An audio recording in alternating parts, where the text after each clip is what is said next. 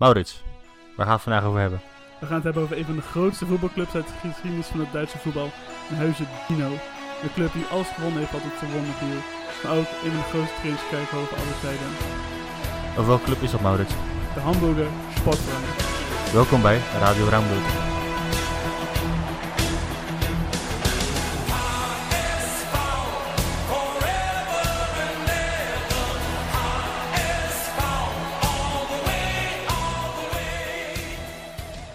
Ja, welkom bij een nieuwe aflevering van Radio Raamdeuter. Vandaag gaan we het dus hebben over de teleurgang van HSV. We zetten al even, het is natuurlijk de Bundesliga Dino. ehm de laatste tijd een trainingskerk geworden. Maar laten we het eerst even hebben over het Bundesliga Dino gedeelte. Want Laurens, ehm, waar denken we aan bij HSV?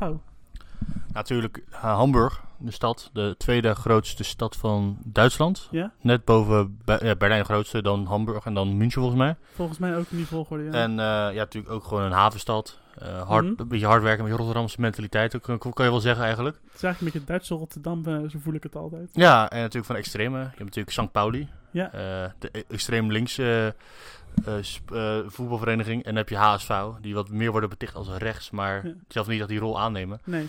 Maar ja, gewoon een grote voetbaldino zoals je zei. Een voetbaldino, ja. En die dino-status die hebben ze natuurlijk gekregen doordat ze tot, aan, tot en met het seizoen 2017-2018 als medeoprichter van de eerste Bundesliga onafgebroken in de eerste liga gespeeld hebben. Het is geen enkele club gelukt. Zelfs Bayern München heeft het tot aan dat, mo- dat seizoen eh, is het ze niet gelukt. Ehm, maar de club is sindsdien in een enorm verval eh, geraakt. Daar gaan we het zo even, eh, even over hebben. Maar nou, we hadden het al even over de, over de stad Hamburg. We zijn zelf natuurlijk ook een keer bij de club geweest. Mhm. Ehm, wat was toen, dat was daags na de eerste eh, wedstrijd in de Tweede Bundesliga. Wat was toen jouw indruk van die club toen we er waren? Ja, zeg maar, als je denkt aan een tweede divisie, eh, vooral in Nederland, dan denk je Mhm. natuurlijk aan een Volendam, een Telstar, gewoon kleine clubs die op een klein x aantal supporters kan rekenen. Ja, Maar dan ga je naar een voetbalclub als HSV of in het algemeen alle tweede Bundesliga clubs in Duitsland. Dat is gewoon echt een enorme competitie met een enorm groot stadion.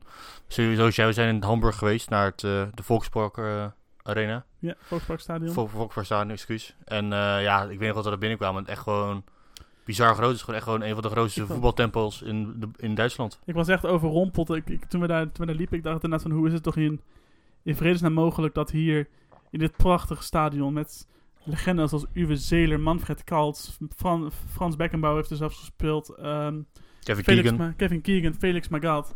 Dat, dat zo'n grote club zo is afgegleden. Dat ik ervan word. Dit, dit, stadion verdient geen tweede liga. Dit stadion moet gewoon. Ja, de stad. Schreeuwt, de stad schreeuwt eerste liga. Het is zo groot. Vergelijk het maar met Feyenoord dat, dat degradeert. Zo moet je het vergelijken, denk ik. ik denk dat het Nou, mooie vergelijking. Ja, of FC Twente bijvoorbeeld.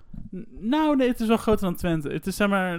Het is, het is groter dan Twente, denk ik. Weet je, Twente en de degradatie van Twente kan ik vergelijken met die van Schalke. Maar goed, dat is weer een andere podcast. Mm, Oké. We houden het even bij, even, even bij HSV. ja, precies. Ja, weet je, eh, natuurlijk buiten dat, dat, dat HSV een gigantische club is, weet je wel. eh, Zeker eind jaren 70, begin jaren 80, weet je, met die gasten die we net noemden. mhm. Werden ze kampioen, ze hebben de beker gewonnen. eh, met een als slagroom, of met kerst op de slag, kerst op de taart. Ehm, het, is- dit is moeilijk, die, die uitspraak. Hebben ze in 1983 de Europa Cup 1 gewonnen onder leiding van Ernst Happel. En ja, er zijn mensen die zeggen dat dat het begin van het einde van HSV al is. Interessant. Ja, wij zijn natuurlijk in het, eh, ook in het stadion geweest. En eh, in het eh, museum. Ja, En dan zie je gewoon ook hoe groot die eh, club is. Ja, ik durf niet te zeggen wat echt het, einde van, het eh, begin van het einde is. mhm. Want voor mij hebben ze best wel gewoon lang, goed lang ook in de Bundesliga gewoon heel vaak Europees voetbal gespeeld. En Mhm. best wel veel prestige. Maar ja, de grote Zeker. prijzen bleven wel uit. Dat ben ik al met je ja, eens. sinds 87 gewoon geen prijs meer gewonnen. Nee, ja, dat is bizar inderdaad. Maar eh, nog steeds was het gewoon nog een, een team wat gewoon goed meedeed, weet je wel. Gewoon, ja, wel gewoon altijd wel status had in, in Duitsland. Dus het was Ja. wel gewoon een normaal... Ja, iedereen zei van de grote, grote clubs in Duitsland, iedereen noemde wel HSV. Dat sowieso. Ja, heeft natuurlijk in Nederland er ook mee te maken dat de- er een, gro- een grote groep Nederlanders heeft gespeeld. Nou, ik, Eh, ik lees een Erik Meijer, een, eh, een Eljero Elia. Maar natuurlijk de allergrootste die daar heeft gespeeld is natuurlijk Rafael van der Vaart. Rafael van der Vaart. Die wordt daar echt als een halfgod ook vereerd. Dat uh, merkte toen we ook wat toen we daar waren. Ja, Hoe, eh, van der Vaart. Eh, even vrij recent, eh, Jeffrey Bruma heeft er gespeeld. Bruma heeft gespeeld, Van Eh, Drongelen Ik wil net natuurlijk. zeggen, Rick van Drongelen. eh, Timo Letchert. Timo Letchert, zeker. Maar natuurlijk, eh, bij, bij, bij, bij, bij Rafael van der Vaart was natuurlijk het hele mooie verhaal. Hij kwam als eh, ja, relatief jong jochje natuurlijk als talent van Ajax kwam hij naar, eh, naar Hamburg. Was in, niet, in eerste instantie niet eens de club waar hij naartoe wilde, want hij wilde naar Sevilla. Maar het grappige is, even ik onderbreek naar. Valencia, sorry. Het grappige is hier wel in dat toen de tijd een stap van eh, Ajax naar HSV als een stap omhoog werd gezien. Sick eigenlijk, hè? Dat was toen, toen was natuurlijk ook heel erg de, de tendens. En dat had je natuurlijk met... Ja, deels ook met Ruud van Nistelrooy natuurlijk. Dat je gaat als... ehm en El Giro Elia, ik het een beetje een van de laatste is geweest. Je gaat vanuit... ehm, van een topclub in Nederland... Ga je naar een middenmotor in Duitsland. Dan ontwikkel je je door. En dan ga je zo naar een topclub. Ja. En dat was toen altijd een beetje de tendens dat je dat moest doen. En natuurlijk nu is die, die hele markt compleet over, op, op zijn kop geslagen. Maar dat was toen, dat was toen een beetje de, de standaard. En het leuke was met, met Van der Vaart. Hij ging natuurlijk toen naar, naar HSV, wat, wat, wat toen in eerste instantie niet zijn, zijn droomclub was. Maar hij werd daar echt op handen gedragen. Het was gewoon, het was raf. Het was gewoon een normale jongen. En dat glamour huwelijk dat hij toen had met, eh, met Sylvie van der Vaart. Dat daar Sylvie Groot- Meijs, toch? Ja. Sylvie Meijs natuurlijk, eh, nu, nu, nu is ze tegenwoordig zo. Ehm, ja, dat was natuurlijk in de Duitse media voer voor, voor leuke verhalen, maar het was altijd, Raf was daar wel echt, de, en, en Sylvie werden daar, waren daar enorm gel- geliefd. Dat dat was een- glamourhuwelijk paste wel perfect in die stad. Het was een beetje eh, de David Beckham van Duitsland eigenlijk. Zo. Met Victoria Beckham, om, het even, om het zo even nu te, nu te, nu te zeggen. Ja, Maar even, nou ja, we gaan even natuurlijk een beetje HSV in deze special eh, uitlichten. Ja. Wat zijn nou eh, ongeveer wat oorzaken, denk je, dat het eh, zo slecht is gegaan? nou, er zijn natuurlijk, er zijn natuurlijk veel, er zijn natuurlijk meerdere verschillende beginpunten aan te wijzen. Er zijn supporters die zeggen dat het dus na het kampioenschap van 83 al mis is gegaan, omdat ze sindsdien te weinig hebben geïnvesteerd in, in hun jeugdopleiding, in de verdere ontwikkeling van de club. Mhm. Ehm, maar wat misschien nog wel... Ik heb natuurlijk bij voor FC Afkik heb ik een groot verhaal over, eh over HSV geschreven ooit. Ehm, en wat eigenlijk misschien wel de meest significante, de meest interessante ehm, begin van het einde is geweest voor HSV, ehm, was gedurende de Werderwochen. En de Werderwochen, die moet ik misschien even uitleggen. Eh, we schrijven april 2009. Toen speelde HSV en Werder Bremen, natuurlijk Mhm. de, de aardsrivalen. Die speelden in 18 dagen vier keer tegen elkaar. En dat was te weten twee keer in de halve finale van de UEFA Cup. Mhm. eh, een keer in de halve finale van de DFB-pokaal. En in de competitie. En dan moet je je even inbeelden. Het HSV-team op dat moment was best wel goed. Ze hadden, Raf, ze hadden onder andere ehm, Guerrero, Frank Rost.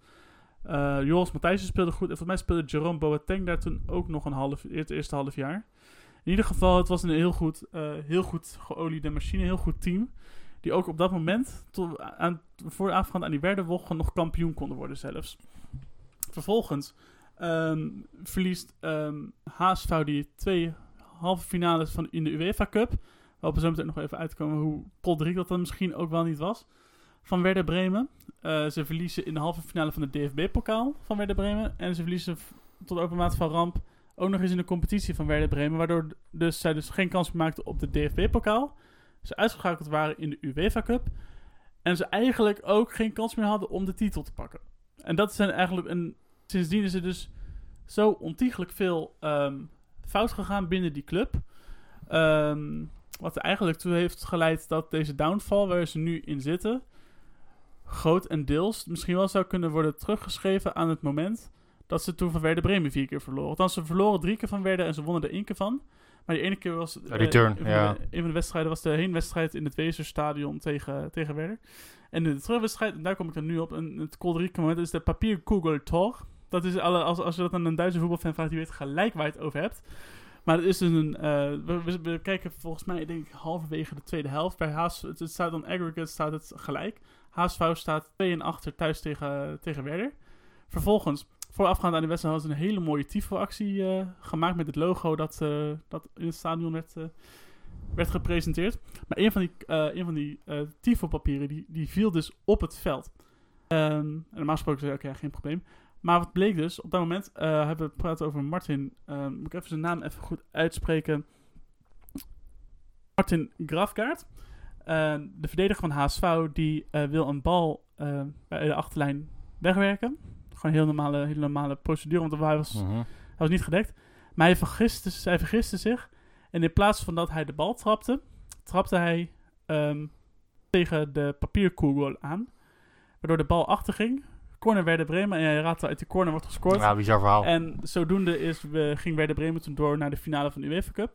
en eh, werd HSV uitgeschakeld.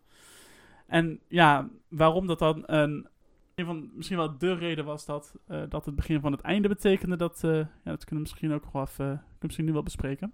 Ja, zeker. Ja, of ik het even laten als een cliffhanger. En dan ga ik vertellen wat mijn eh, oorzaken denk ik zijn waardoor HSV eh, Mhm. degradeerde. Ik had er een paar ook opgezocht.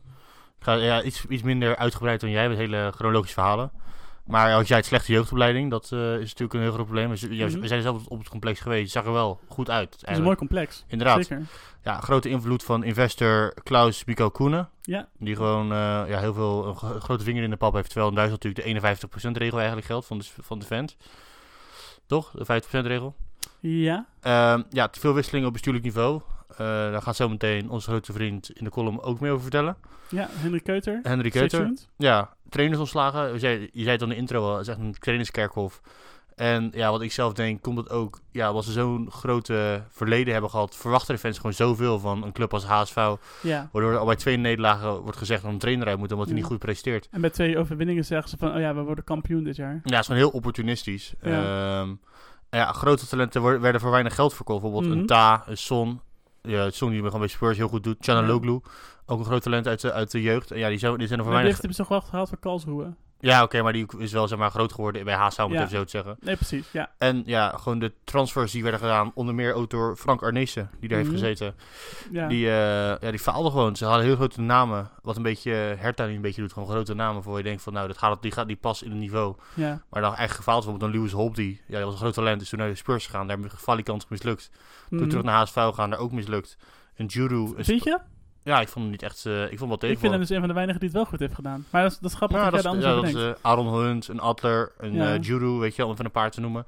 Allemaal wel gewoon spelers die gewoon wel voor dienstelijk niveau hebben gespeeld, maar nooit echt ja, HSV bij de hand namen, laat ik dan zo zeggen. Want Mhm. dat heb ik met Hoop die was goed, maar nog nooit echt HSV bij de hand. Ja. Dat is meer mijn persoonlijke visie hierop. Dat is het. Ik denk wat jij, wat jij zegt, daar ben ik het ook wel grotendeels mee eens. Het, het probleem met HSV was natuurlijk dat ze heel erg ehm, die grote namen wilden hebben, maar ze wisten er nooit een team van te maken. En heel veel druk. En heel veel druk, Van de en- Vaart, tweede keer toen hij terugkwam.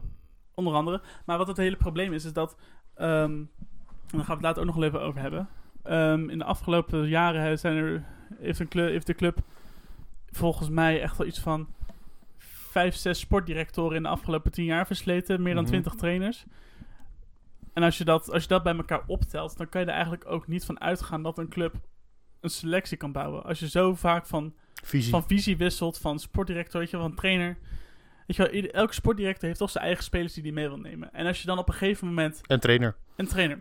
En als je op een gegeven moment jaar op jaar op jaar, halve, zeg maar, een, de ene kwart, een kwart selectie op een kwart selectie op een kwart selectie op een kwart selectie hebt, Mhm. dan heb je vier compleet verschillende type spelers, die bij een compleet verschillend type voetbal passen. En dan heb je een trainer erbij die om de havenklap wordt ontslagen.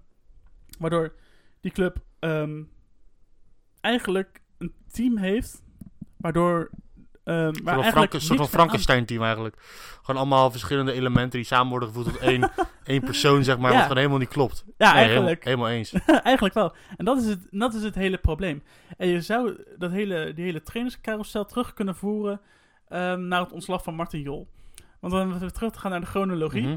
Ehm, op een gegeven moment eh, werd dus eh, na het seizoen 2008-2009 gingen eh, de toenmalige sportdirector Dietmar Beiersdorfer, eh, Jens Hofman, eh, de toenmalige sportdirector, dacht ik, en Martin Jol hadden na, na het seizoen een evaluatie in, het, in een van de hotels in het centrum van, van de stad. Ehm, toen ging het er dus over van dat, ehm dat Beiersdorfer en, en Hofman, die verwachten iets van de club wat ehm Martin Jol, waarvan Martin Jol zei dat, dat dat niet realistisch was. Dus dat, dat ze dat niet, dat, dat ze met de spelers die ze hadden, dat bijvoorbeeld een zevende plek die ze dat seizoen hadden behaald, geloof ik, dat het echt het maximale was dat erin zat. Zij dachten daar anders over en ze hadden een, dus een compleet andere visie eigenlijk op het hele voetbal eh, in, in, in die tijd. En dat zorgde er eigenlijk voor dat eh Martin Jol zei van oké, ik ga hier weg. En die heeft toen, is toen naar, is naar Ajax gegaan. En dat Spurs toen laatst nog. Nou, hij kwam van Spurs. Oh, hij ging van Spurs naar HSV. En van HSV dan weer naar Ajax. En ja, je zou kunnen zeggen dat het begin van het, van het, van het einde was. Ik ga even, even wat informatie erbij pakken hoe dat nou precies daarna is gegaan. Want we hebben een, er is best een chronologie naar aanleiding daarvan. Die echt heel interessant is om te benoemen.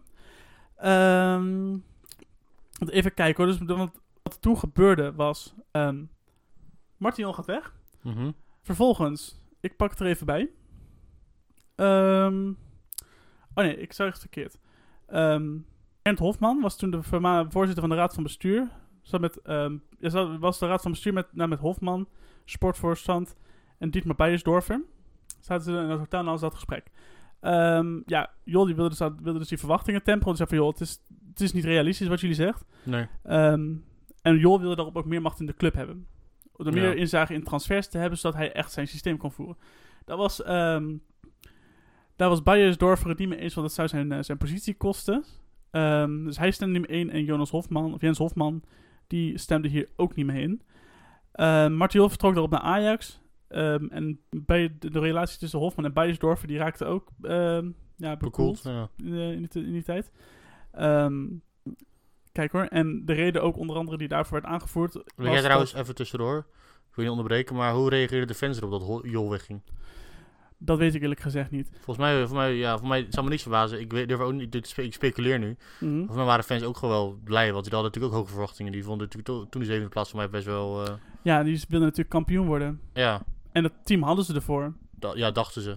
Jol, Ja. Jol uiteindelijk had, heeft toch wel het langste eind getrokken, denk ik. Dat denk ik, ja, dat, dat is dus een hele lastige. Want als je het ziet met een team met Frank Ros, Mladen Mladen Petric, Joris Matthijs, Paulo Guerrero. Is Het- wel een, echt een ja, heel goed Het, team. is, het is een goed team. Ja, misschien zeven in misschien Europees voetbal wel haalbaar, maar Europees voetbal hadden ze moeten halen. Maar Ja. dat ze ook gehaald. ja, oké, zevende wel, maar het had misschien wel iets hoger kunnen eindigen. Dus Champions. League. Ja, Ga en- verder, sorry. Ja, en dus wat, ehm, kijk hoor. Beiersdorfer, die ging toen, eh, die wilde, die, die Hofman had voor Beiersdorfer toen een plek in de jeugdopleiding in gedachten. eh naar aanleiding van de akkefiet die ze na het ontslag van Jo hadden. Heeft er niet mee ingestemd. En wat Jonas Hofman, en de grote fout toen van Hofman was, was dat hij toen geen sportdirector heeft aangesteld. Dus hij was eigenlijk de eindverantwoordelijke binnen in de club. Hij had heel veel macht naar zich toegetrokken. En hij had toen Bruno Labbadia als trainer aangesteld. Die het overigens ook met de middelen die hij had op zich vrij goed heeft gedaan. Ook in de halve finale van de UEFA Cup gehaald. Ehm, werd overigens ontslagen vlak voordat hij die halve finale mocht coachen. Toen eh, moest Ricardo Muniz het overnemen. Ja, heel erg, heel erg wanbeleid toen al. Toen, ja, en, en dat is dus waarom ik denk dat het, dat het, dat het daar begonnen is. En sindsdien is het een trainerskerkhof, eh, trainerskerkhof geweest. Ja, Bert van Marwijk heeft er ook nog gezeten. Bert van Marwijk, ja, die, is, die, is, die wordt dus om, binnen HSV-kringen wel gezien als een van de slechtste, misschien zelfs wel de allerslechtste HSV-trainer ooit. Opvallend, ja. Dat is eh, vrij pijnlijk voor, een voor de bondscoach die eh, met Nederland het WK-finale heeft gehad. Maar nee, het hele... Het is echt een probleem geweest bij, eh, bij HSV dat, dat, dat Hofman toen de tijd geen sportdirector heeft aangesteld. Gesteld heeft hij een jaar later gedaan. Ehm, toen was nog mijn één of twee sportdirectoren voordat Frank Arnezen kwam nog.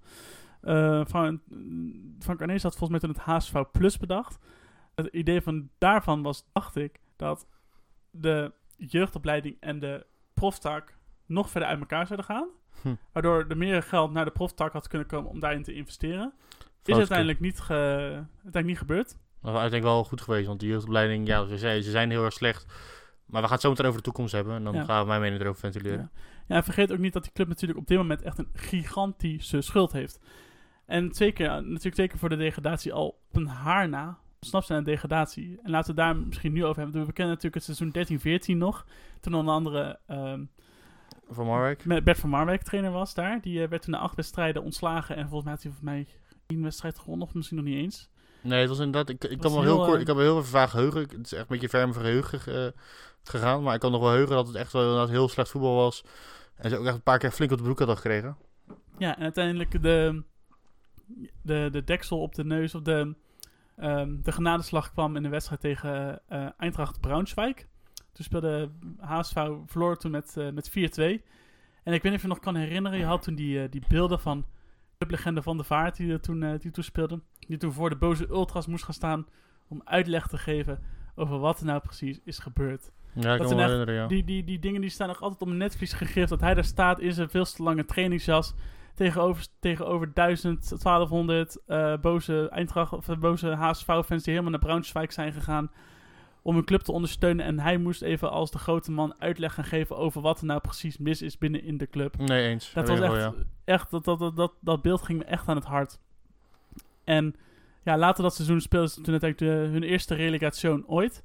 Ehm, die, verloren ze toen op uit, die wonnen ze toen op uitdoelpunt van Greuther Fürth. Met uiteindelijk een, eh, een mooie kopgoal van Pierre-Michel Lazoga Ja, dat weet ik nog wel, ja. 1-1. Ehm, maar ook toen zag je van dit, dit, dit vroeg, je, sommige clubs weet je ook wel, je ziet er gewoon aankomen dat het misgaat. En toen was iets van 30 miljoen geïnvesteerd daarna, toch? Dat jaar daarna of iets van 50 miljoen spelers. Dus ze hebben heel veel geïnvesteerd. Enorm. Maar allemaal van die miskopen. Ja, ja en natuurlijk als eh, klap op de, als, eh, ehm, als, als precies Klap, de vuurpijl. Ja, in ieder geval, maar dan de negatieve versie daarvan. Ja, ja, gewoon eh, de Dus- grootste doodsteek. Ja, de doodsteek was uiteindelijk toch dat eh Hassan Çalhanoğlu wegging. En daar hebben ze toen heel veel, hebben ze toen onder andere Alan Halilovic geprobeerd. Om die, Ja, of, hij, of hij het was. Luca Waldschmidt hebben ze geprobeerd, die overigens nu bij Wolfsburg speelt en het hartstikke goed doet. Is hem toen niet geworden. Het is uiteindelijk een Aaron Hunt ook toen? Aaron Hunt kwam. Dat is natuurlijk een heel vet verhaal op zich.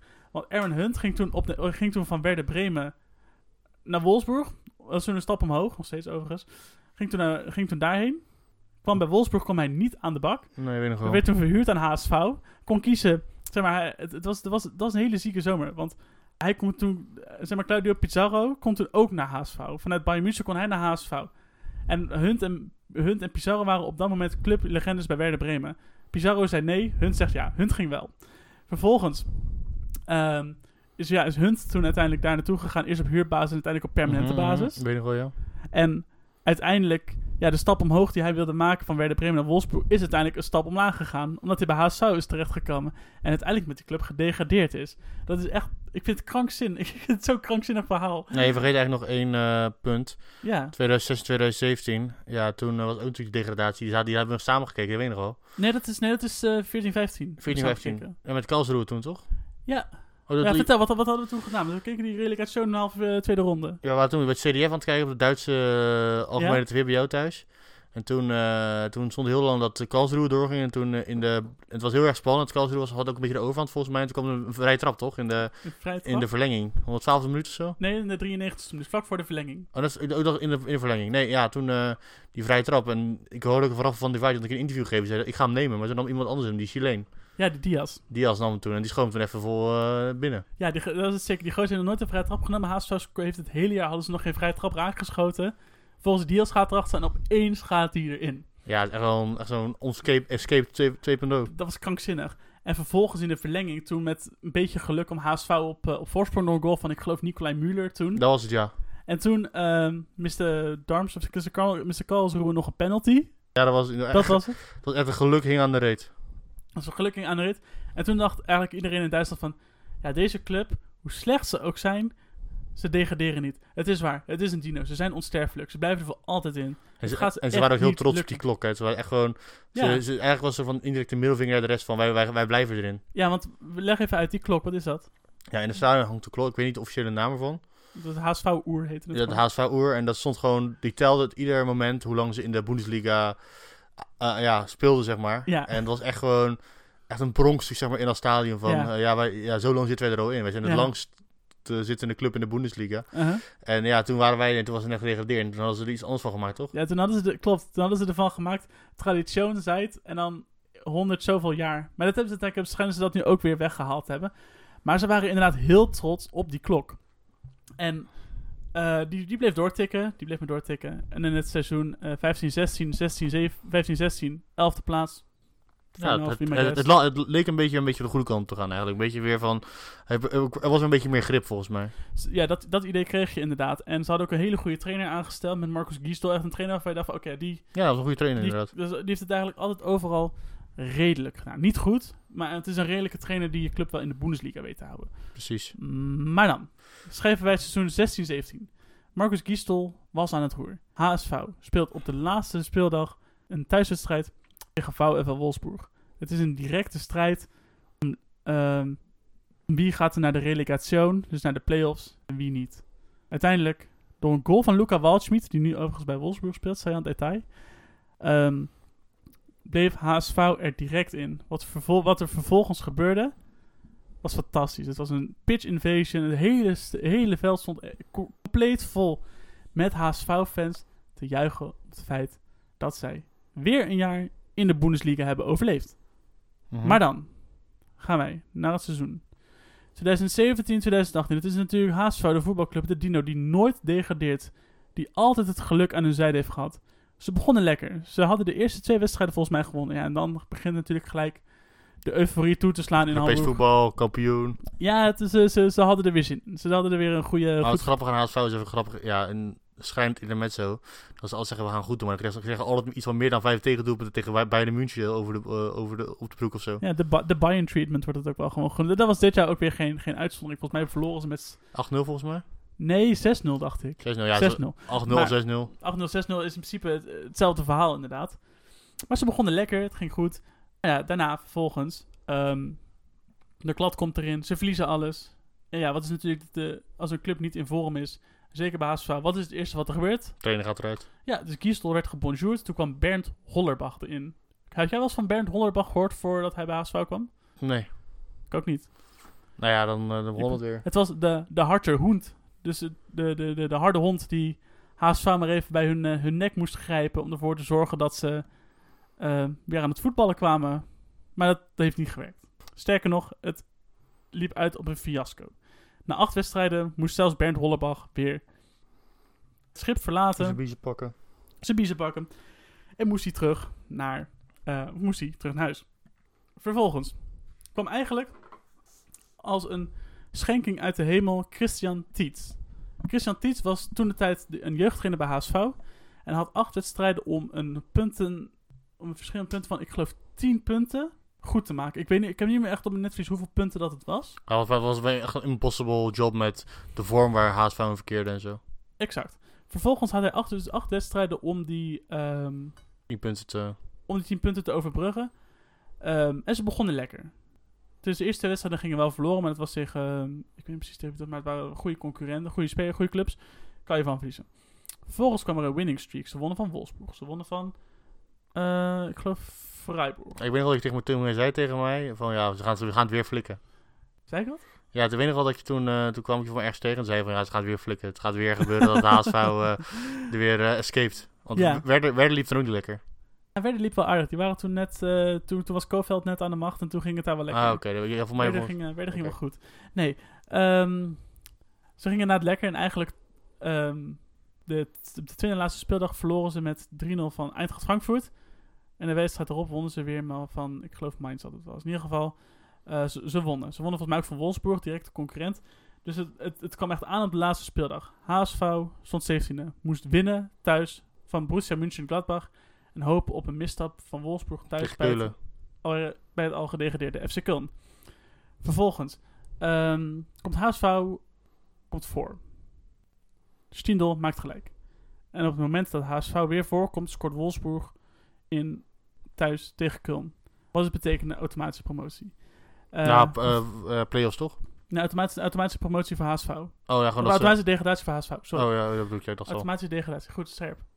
Ehm, daarna, HSV wint uiteindelijk keurig met 2-1. Maar wat ze dus niet wisten, of wat ze deels wel wisten, was dat Wolfsburg uitliep naar een 4-1 overwinning bij Köln.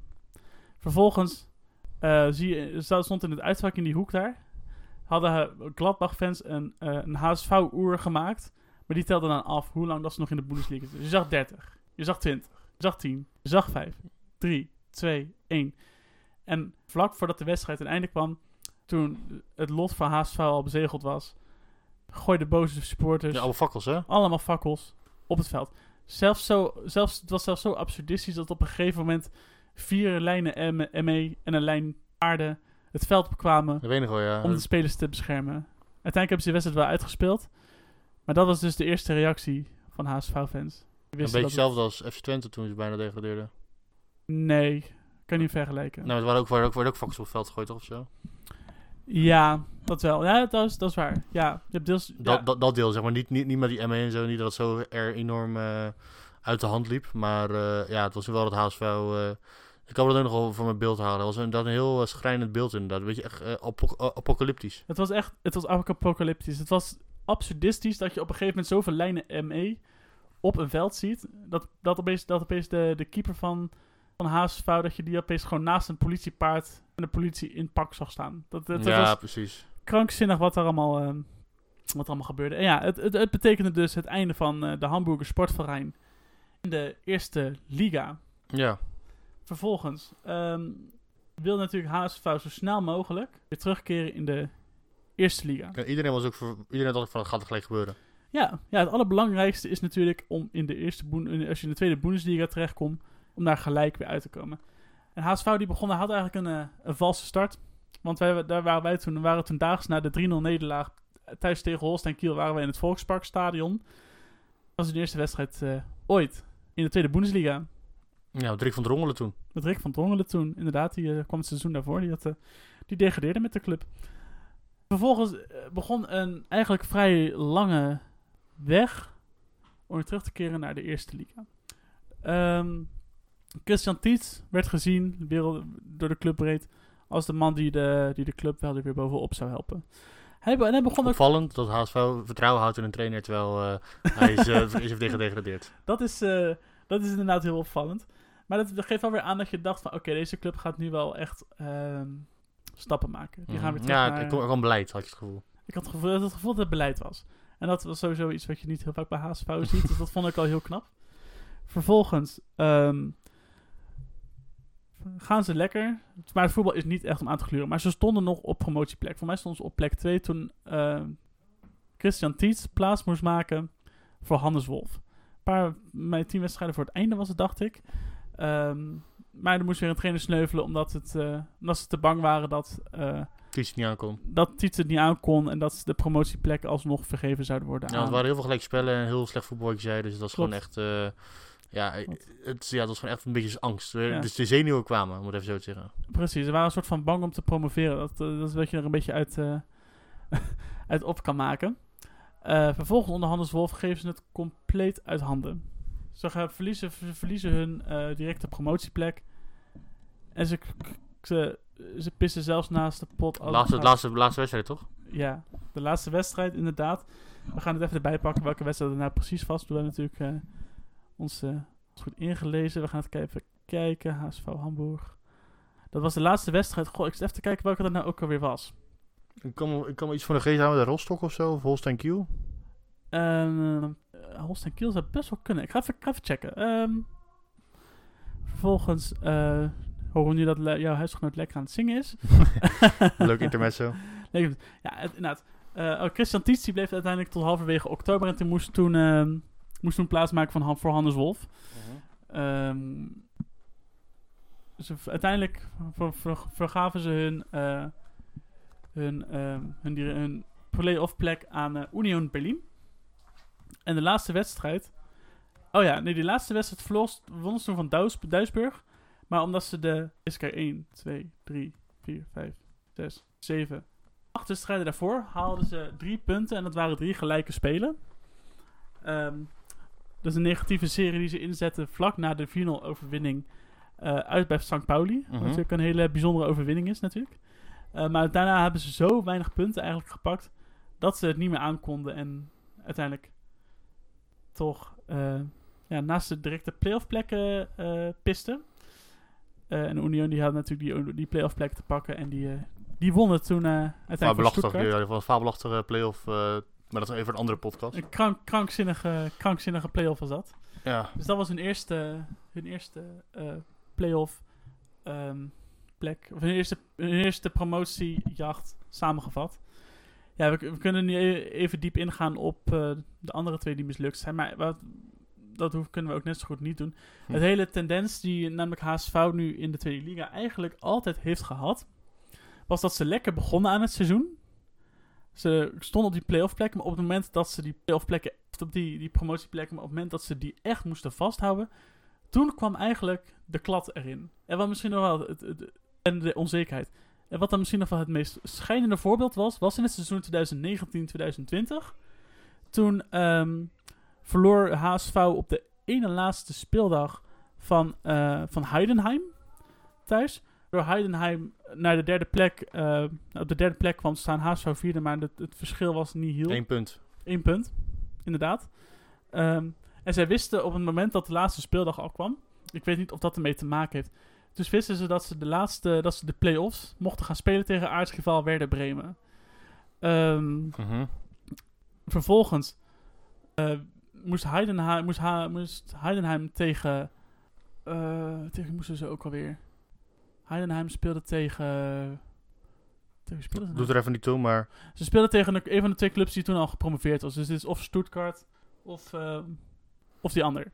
Sorry, ik weet het even niet, maar maakt niet uit. Nee, uh, weet het. De andere is eh Bielefeld. Ja, tegen een van die twee speelden ze. Ja, maar oké, ja, trouwens, laat zeggen tegen Bielefeld. In ieder geval, ze verloren toen, volgens mij was het trouwens ook Bielefeld, nu ik erover nadenk. Heidenheim verloor van Bielefeld. Vervolgens, het enige wat HSV hoefde te doen, is winnen thuis van Sandhausen. En die stonden toen en die stonden tiende. toen tiende. Vervolgens, HSV verliest thuis met 5-1 van Sandhausen. Saillant detail, vierde goal werd gemaakt door Spartaan Mario Engels. Vijfde goal werd gemaakt door Dennis Diekmaier. Die natuurlijk lang rechtsback is geweest in die crisistijd van HSV. Ehm, vorig seizoen was het weer een trainerskerkhof. Hebben ze voor mij ook twee, drie trainers gehad. En is het ze ook weer niet gelukt om te promoveren. Dit jaar zijn ze dus aan hun vierde push bezig. In misschien wel de sterkste tweede liga aller tijden. Ja, dat is dus waar HSV... staan tiende nu. Vijf wedstrijden gespeeld. Heel wisselvallig voetbal. Niet, eh, niet leuk. Alle spelers die waarde creëerden zijn weg. Bijvoorbeeld Ja. een... ja, een... hoe heet het ook weer? Ja, Jatta is natuurlijk Ja, weggegaan. Rick van eh, Drongelen. Onana is weggegaan. Rick van Drongelen is weggegaan. Precies. Pollersbeck. Het wordt echt, het wordt echt heel eh karig als je nu zo kijkt naar de selectie. Bijvoorbeeld een van de beste spelers van Ludovic Reis. Ja, dat Niks, zegt... niks tegenover Ludovic Reis, maar dat is geen HSV, kam- geen HSV kwaliteit. Je gaat er de eerste Bundesliga niet meer halen. Maar nu we het erover hebben, nou, we kunnen eigenlijk best wel gaan naar de, wat de toekomst van HSV brengt. Maar voordat we dat doen, hebben wij nog een column van onze grote vriend Henry Keuter. Henry, kom er maar in. HSV is te goed en te groot om lang in de tweede Bundesliga te blijven. Dat was mijn eerste reactie na de degradatie van de zogeheten Bundesliga-dino. Mijn hemel, wat zat ik er destijds ver naast. De glorietijden van HSV heb ik zelf helaas niet mogen meemaken. Ik ben nu 20 jaar en wat mij is bijgebleven van deze club is dat ze ieder jaar steeds dieper in het drijfzand zakten. Toch, toen ik de pijn in de ogen van die supporters zag, toen die beroemde klok weer op nul kwam te staan, kreeg ik wel een gevoel van empathie voor de club. De wanhoop in het stadion in Hamburg, die na afloop van de wedstrijd tegen München-Gladbach naar buiten kwam als woede, wekte mijn interesse. Toen ik me meer ging inlezen op de toenmalige situatie van de club, besefte ik me dat het niet alleen sportief misging. En hoe pijnlijk dat wel niet was. Ook achter de schermen ging er een hoop fout. In de laatste negen jaar van de club in de Bundesliga werden er bij HSV 12 trainers, 9 voorzitters en 5 algemeen directeurs. En ook nog 6 sportieve directeurs ontslagen. U zou kunnen veronderstellen dat het clubbestuur destijds geen goede keuzes ma kon maken, voor zover er een clubbestuur was. Ondanks de talloze pogingen om de club weer op de baan te krijgen, of dat met een flinke lening van de bank of een nieuwe trainer was, ging het toch steeds weer mis, met als resultaat de onvermijdelijke afgang naar de tweede Bundesliga. Nu, ruim vier jaar later, is de situatie eigenlijk onveranderd. De club doet nog mee om de promotie, maar het is uitermate pijnlijk om te zien dat de strijd om, de strijd om promotie, of überhaupt de play-offs, steeds op het laatste moment weer uit hand gegeven wordt. Met het vertrek van de Lewandowski van de tweede Bundesliga, Simon Terode, moet ik zeggen dat ik langzamerhand het vertrouwen in een plotselinge opmars wel een beetje verloren ben. HSV is, zo gebleken, niet te goed om in de tweede Bundesliga te spelen. Laten we met z'n allen toch bidden voor Schalke en Werder Bremen. Bidden voordat hun niet hetzelfde overkomt. Ja, weer een eh, sterke column, of niet? Ik vond het eh, goed samenvattend van eh, ons verhaal eigenlijk. Eigenlijk wel, hè? Ja, het is ook wel fijn om een soort van not notulist te hebben die onze, Ja, onze podcast samenvat en daar even een voice van maakt. Dat, Ja, hartstikke, we hartstikke, lief, doen. hartstikke lief van hartstikke lief van Harry. Hartstikke lief. Nee, ja, we gaan het over de toekomst hebben, inderdaad. Dat ben ik helemaal met je eens. Ehm, ik denk dat HSV steeds een sok uitdoet, zeg maar. En steeds mindere spelers gaat hebben, Mhm. minder, eh, minder geld heeft. En steeds gewoon... Ze gaan denk ik niet failliet, Nee? maar het gaat gewoon steeds slechter worden. En ik ben bang dat ze niet uit de tweede Bundesliga gaan komen, mits er een echt beleid gaat komen. Ja, ik, ik, ben het, ik ben het met je eens. Het is natuurlijk zo dat ondanks dat HSV altijd een grote naam in het Duitse voetbal zal blijven. Maar goed, dat hebben we natuurlijk met Kaiserslautern ook gezien. Dat is Ja, ook een giga-naam. Ehm, wat, je, wat je wel krijgt is dat voor, het voor talentvolle spelers zich natuurlijk geen visitekaartje gaat zijn om zich te proberen ontwikkelen bij HSV. Vanwege natuurlijk het feit dat ze eigenlijk nooit... Dat ze eigenlijk altijd hun promotiekansen gewoon weggooien. Dus ik denk dat het voor HSV heel lastig gaat zijn om spelers aan te trekken met wie je het, ehm, het, eh, het spel der promotie kan spelen. Weet je wel, natuurlijk vorig jaar hadden ze Simon Terode nog als spits, die eh, natuurlijk een promotiemaestro is. Ja, zoals eh, Henry zei, de Lewandowski van de Tweede Bundesliga. Ja, nou ja, exact. En die heb je nu ook niet. Die zit nu bij Schalke en die scoort daar zijn goals nu.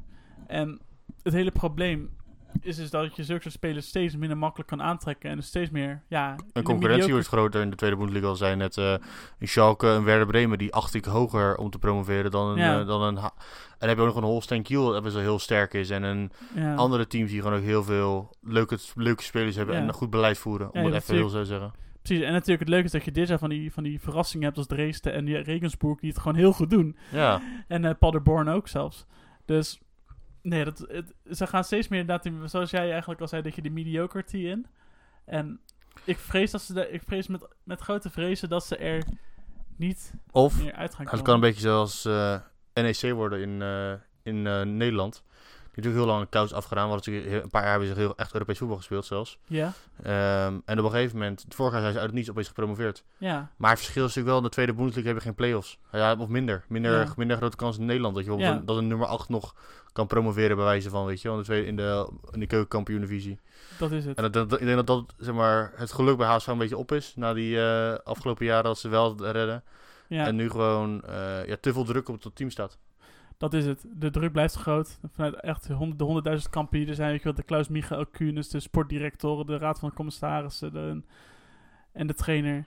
En dat je een team hebt die het gewoon niet aan kan. Het is heel simpel. Het is gewoon eh, op dit moment jarenlang steeds inge, ingeteerd op de kwaliteit van de selectie. Waardoor de kans op dat HSV sowieso in eerste instantie erin bleef en nu dan weer zou kunnen promoveren, gewoon steeds en steeds en steeds kleiner aan het worden is.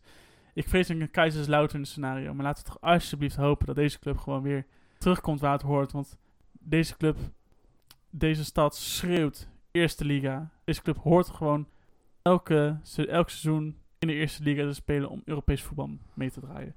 Dat is in ieder geval hoe ik ernaar kijk. En laten we toch van harte hopen dat dat... eh Nou ja, zelfs al ik als Werderaner hoop dat dat gebeurt. Nee, maar je zou wel denken, het is zeg maar, HSV is een groot achterland met allemaal wat eh, grote steden. Ik denk dat HSV, waar we het ook even hebben, de oorzaak waardoor ze op, überhaupt niet groeiden, was gewoon het gebrek aan jeugd, jeugdtalenten.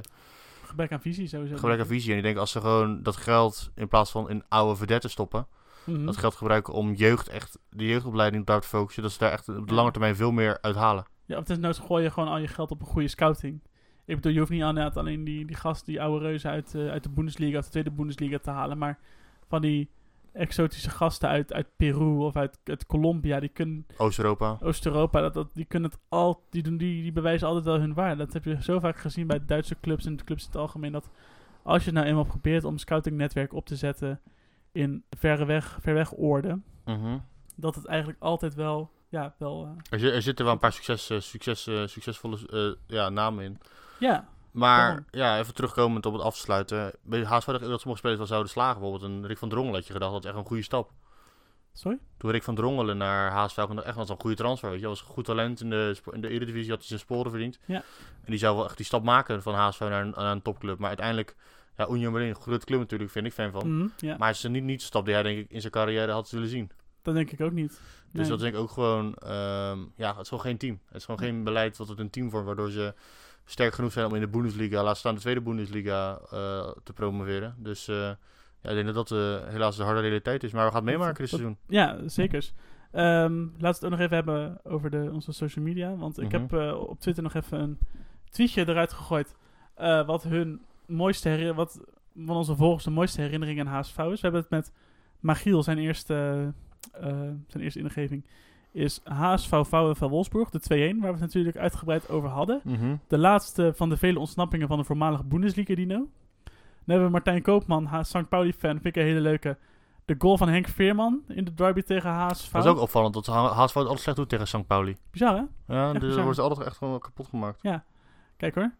Ehm, en nog een andere, andere herinnering van hem, van Martijn, was dat er in 2011 een toernooi was in Zwolle met HSV, PEC en VV Berken, waarbij PEC Zwolle HSV versloeg. Ik kan Feyenoord niet zeggen. Precies. Eh, wat bijzonder was, want HSV speelde met hun sterkste elftal op dat moment. En toen was het natuurlijk gewoon Chalanolu en Son in hun team. En ehm, Casper Carson, zijn favoriete moment aan HSV is de relegation van 2015. De zoveelste Houdini-act van HSV. 1-0 achter. Karlsruhe is bijna gepromoveerd naar de eerste liga, maar dan in blessuretijd de 1-1 en de 2-1 in de verlenging. Bloedstollend. Let ook op de enorme politiemacht. En dat is natuurlijk vet, want die hele politiemacht die zich toen om de, bij die wedstrijd, om de dat weet ik nog wel. het uitvak gewoon, dat was echt gewoon twee rijen dik. Nee, dat weet ik nog wel. Toen stonden wij daar ook, dus ook te kijken. Van. Voor het eerst werd ik echt een beetje mee, meeviel hoe... Want zeg maar, bij Duitse sports heb je altijd het gevoel van... zijn gewoon normale gasten, die kunnen met elkaar, met elkaar een biertje drinken. Maar als je dat, dat zag, was het echt juist erger dan in Engeland, wijze van. Ja, ja er, is, er zit minder filter tussen de Duitse en de, eh, tussen de Duitse sporters. Dat is of heel gemoeilijk, knettergek. Precies. En eh Op die noot sluit hem af, denk ik. Dino sluit hem zeker af. Laurens, bedankt vooral voor het luisteren naar mijn verhalen over Ik vond HSV. het leuk. Ik denk, dat- ik denk dat de luisteraars er ook eh, plezier van hebben. Dat, eh, dat hoop ik ook. Als jullie dat hebben gedaan, laat het zeker even weten met een, eh, middels een follow op onze Instagram, Radio of op onze Twitter, Radio. En als je ervan hebt genoten, laat het ook even lekker per mail weten op radioraamdeuter.gmail.com. En dan zeg ik bij deze, tjus.